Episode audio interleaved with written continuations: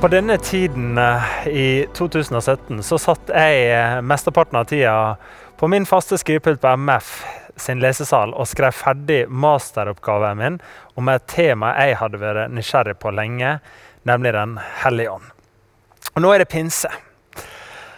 Og Måten jeg kom i kontakt med Pinsekirka, var nettopp denne nysgjerrigheten til Den hellige ånd.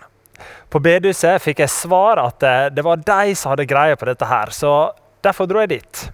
Men til min skuffelse så var det ikke så veldig mye vektlegging på Den hellige ånd der. Dette her er jo litt forskjellig fra kirke til kirke, men jeg tror det er aktuelt for oss i Pfefferkirken å spørre oss sjøl denne pinsedagen. Trenger oss å åpne oss opp mer for Åndens liv og hjelp i våre liv? Hva var det pinsevennene forsøkte å finne svar på, og hva var det de gjenoppdaga på starten av 1900-tallet? Thomas Balbarat, grunnleggeren av Fjærfjordkirken, var en anerkjent metodistprest som drev et utstrakt hjelpearbeid for de marginaliserte i byen vår. Og Felles for han og andre pinseledere var at de opplevde at de mangla noe i troen sin.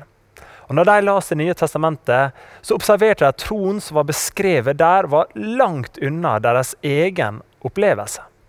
Pinsvennene lengta etter en nære relasjon til Jesus. De savna å se forandring i sitt eget liv, og de drømte om større påvirkning i sin tjeneste. Og svaret, slik de så det ut fra Bibelen, var en større innflytelse av åndens liv i deres eget liv. Under et opphold i USA i 1906 ble Barrat grepet av pinsebevegelsen. Og han opplevde en sterk opplevelse av å bli fylt av Den hellige ånd. Og Jeg hadde lyst til å lese noen utdrag fra hans beskrivelse av det her. Jeg ba møtets leder litt før midnatt om å legge hendene sine på meg og be for meg.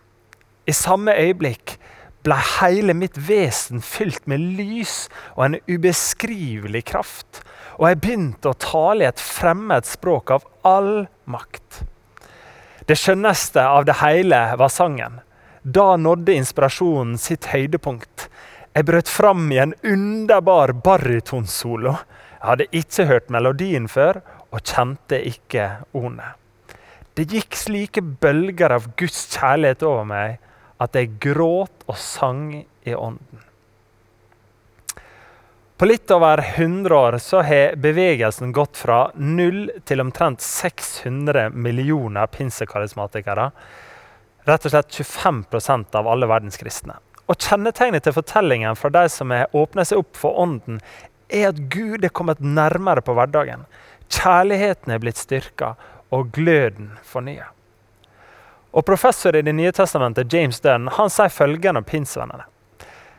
De tok kanskje feil i noen teologiske spørsmål, men de hadde rett i å påpeke at Kirken trengte en fersk utrustning av Den hellige ånd for sine svakheter.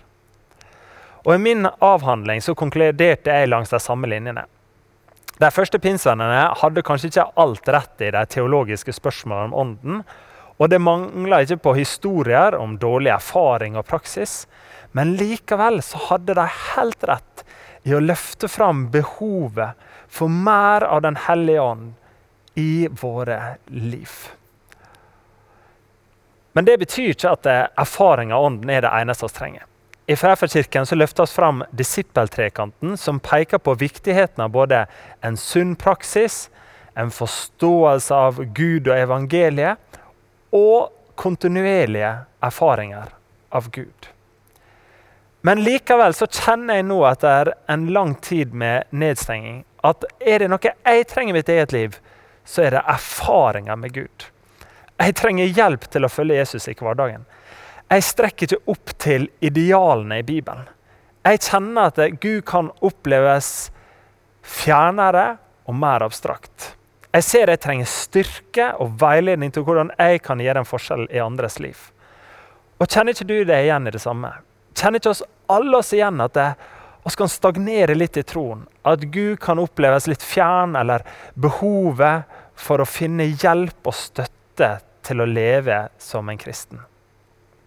Og Bibelen peker på Den hellige ånds liv og hjelp som ett av de grunnleggende svarene på disse utfordringene. Og skal kikke litt i hva den har å si til oss i dag. Og skal lese fra Apostelens gjerninger 2 og noen utdrag derifra. Da pinsedagen kom, var alle samlet på ett sted. Da ble de alle fylt av Den hellige ånd, og de begynte å tale på andre språk ettersom ånden ga dem å forkynne. Og I Jerusalem bodde der fromme jøder fra alle folkeslag under himmelen. Og en stor folkemengde stimlet sammen da de hørte denne lyden. Og det ble stor forvirring, for hver enkelt hørte sitt eget morsmål bli talt. Og Så hører oss Peter litt seinere i fortellingen. Da steg Peter fram sammen med de elleve. Han hevet stemmen og talte til dem, jødiske menn og alle dere som bor i Jerusalem. Merk dere hva jeg sier, og lytt nøye til mine ord. Disse menneskene er ikke fulle slik som dere tror. Det er jo bare den tredje time på dagen. Men her skjer det som er sagt gjennom profeten Joel. I de siste dager skal det skje, sier Gud, at jeg øser ut min ånd over alle mennesker. Pinsedag markerer et før og et etter. Et før der ånden var bare tilgjengelig for noen få og spesielle. Og et etter der ånden ble gitt til alle som ville vende om, la seg døpe og følge Jesus Kristus. Pinsedagen markerer dagen da Jesus utøste sin ånd over de første disiplene, og kirkens fødselsdag. Og Apostelen eh, Peter forklarer her hendelsene på pinsedag ved å peke tilbake til profetien i Det gamle testamentet, som ga løfter om at ånden en dag skulle gis til alle. Og han sier med andre ord nå er det en ny tid med helt andre rammevilkår.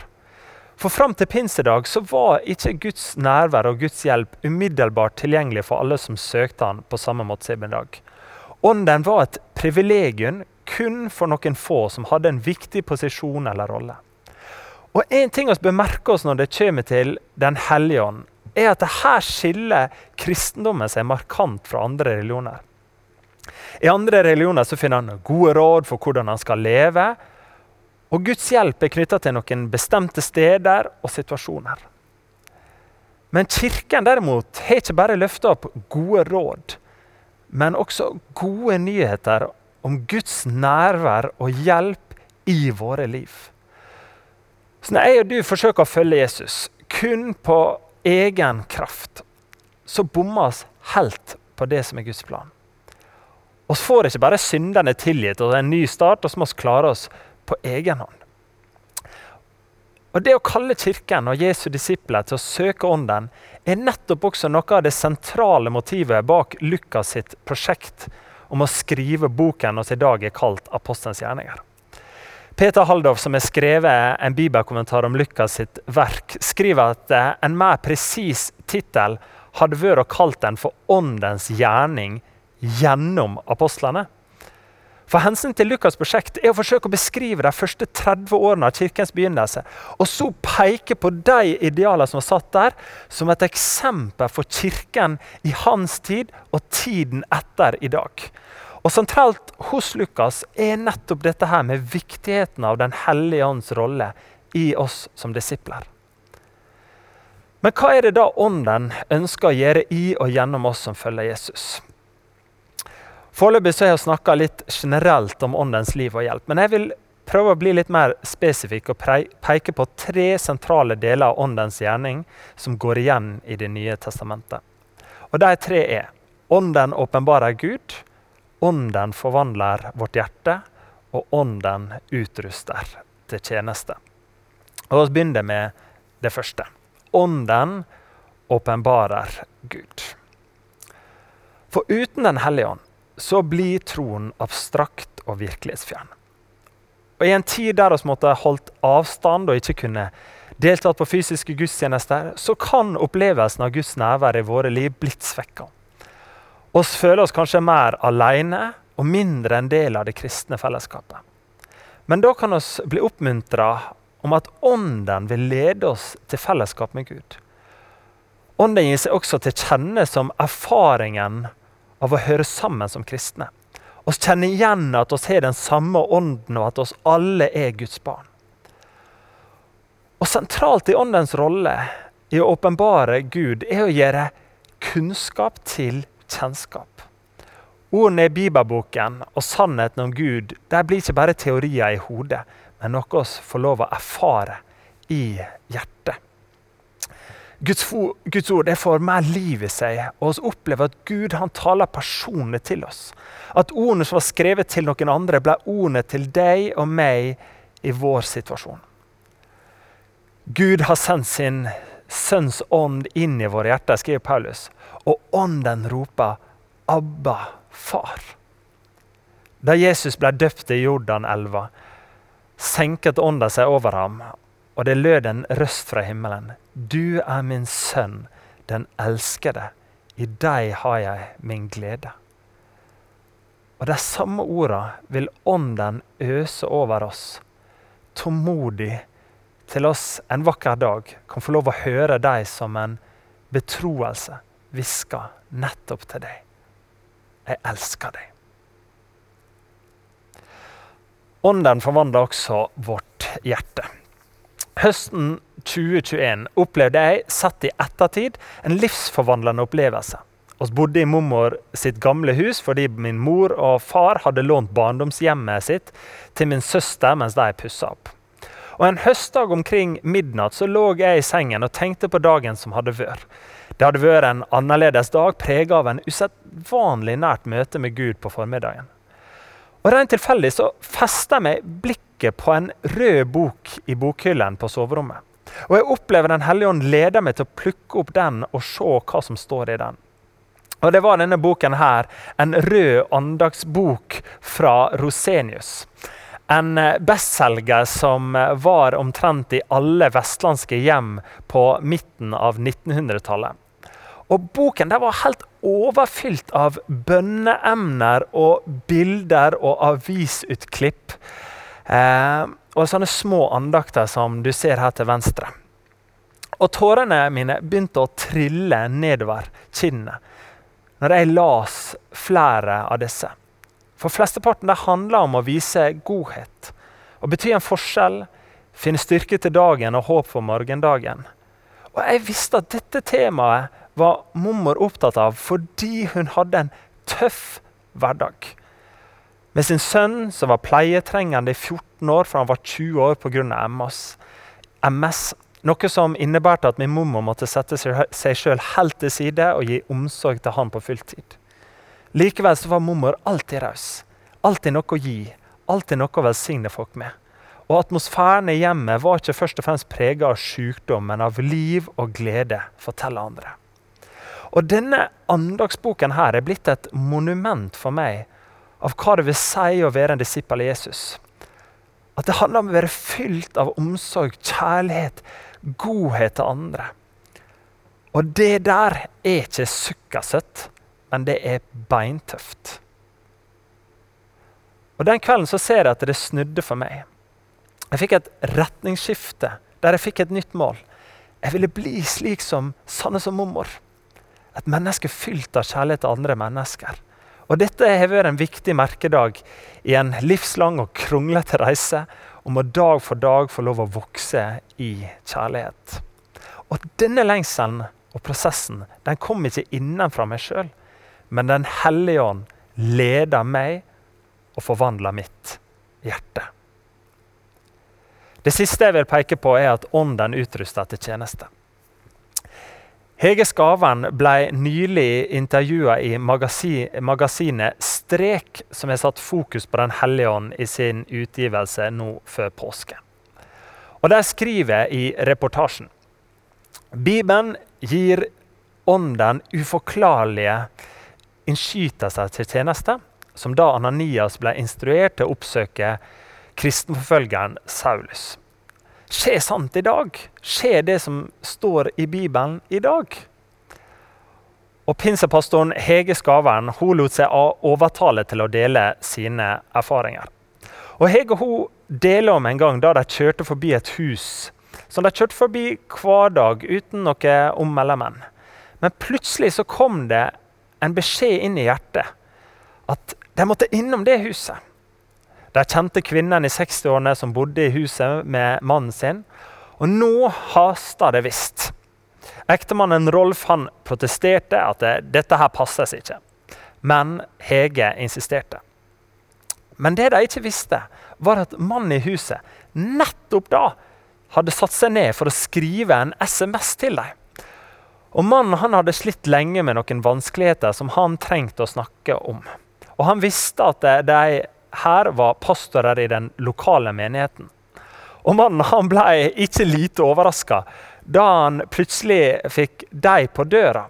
For der sto Hege og Rolf før SMS-en var sendt.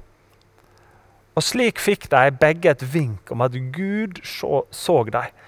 Slik at eh, før de hadde bedt om hjelp, så hadde Gud sett deg. Og Episoden den inngår i rekken av mange ulike tilfeller der Gud har ledet Hege. Og Bibelens løfte om at Ånden skal utruste oss til tjeneste, som apostelens gjerninger 1,8 sier, dere skal få kraft når Den hellige ånd kommer over dere, og dere skal være mine vitner i Jerusalem og hele Judea i Samaria og helt til jordens ender. Det løftet gjelder fortsatt i dag. Derfor kan vi finne kraft til vår gjerning som kristne. Men hvordan da? Hvordan kan vi få åpne oss opp for Den hellige ånds gjerning? Det første jeg vil si, det er at Ånden han jobber med oss kontinuerlig uten at vi legger merke til det noe særlig. Akkurat som pusten. For det greske ordet for ånd er nettopp pust.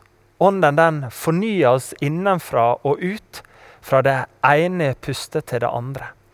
Kravløst og uanstrengt. Vi legger nesten ikke merke til det uten at vi stopper opp og reflekterer over det.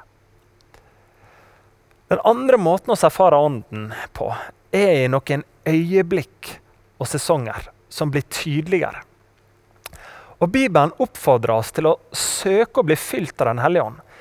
Få mer av Åndens gaver. Søke Guds veiledning. Be om Guds kraft og styrke. Be om at Gud skal forvandle oss ved sin ånd.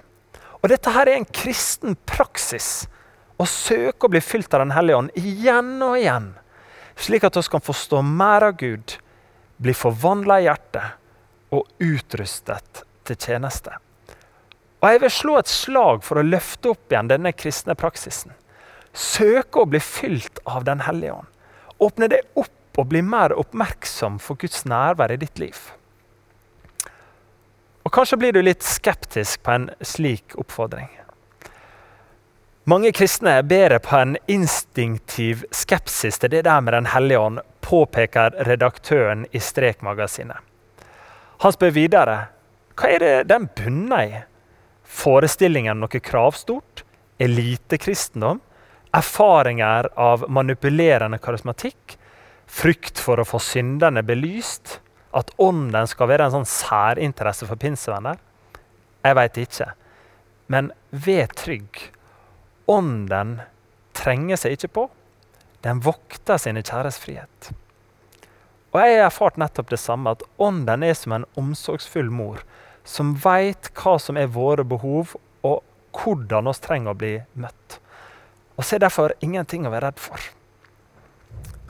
La pinsedag derfor minne oss om at Ånden er kommet, og at den som åpner seg opp for Ånden, den vil få sitt liv forvandlet. La det være budskapet som pinsedag minner oss om, og la oss åpne opp våre hjerter. Amen.